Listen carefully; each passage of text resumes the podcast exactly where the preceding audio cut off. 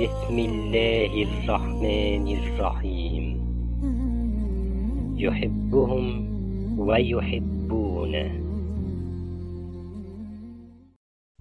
لما ربنا سبحانه وتعالى حب يضرب مثل للمشركين في عهد الرسول عليه الصلاة والسلام قال لسيدنا محمد عليه الصلاة والسلام واضرب لهم مثلا أصحاب القرية.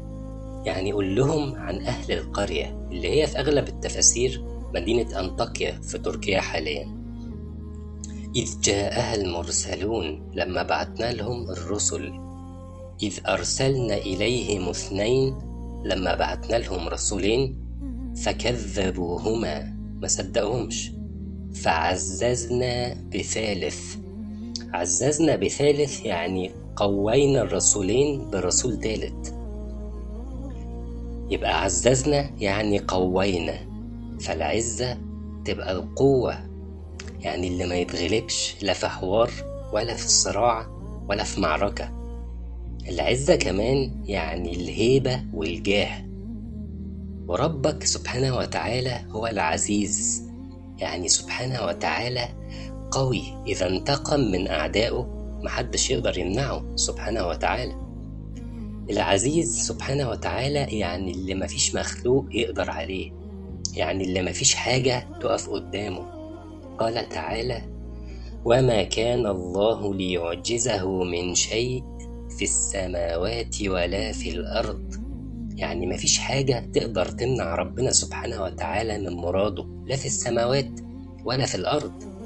العزيز سبحانه وتعالى يعني الغالب طول الوقت دائما وأبدا هو سبحانه وتعالى الغالب. دائما وأبدا هو المنتصر. العزيز سبحانه وتعالى هو اللي ما تقدرش توصل له أو تضره أو تدخل عليه أي نقص. وعلشان كده ربنا سبحانه وتعالى قال على القرآن الكريم إيه؟ وإنه لكتاب عزيز. ليه؟ الشرح في الآية اللي بعدها على طول. لا يأتيه الباطل من بين من بين يديه ولا من خلفه. يعني محدش هيقدر ينقص من القرآن حرف ولا يزود فيه حرف. يعني مفيش كتاب قبله يقدر يكذبه ومش هيجي كتاب بعده فيبطله.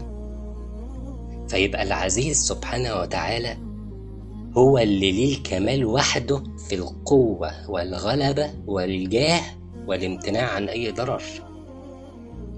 قال تعالى قل اللهم مالك الملك تؤتي الملك من تشاء وتنزع الملك ممن تشاء وتعز من تشاء العزة وتذل من تشاء بيدك الخير إنك على كل شيء قدير. عاوز العزة؟ خليك مع العزيز. عاوز الخير كله؟ خليك مع العزيز سبحانه وتعالى.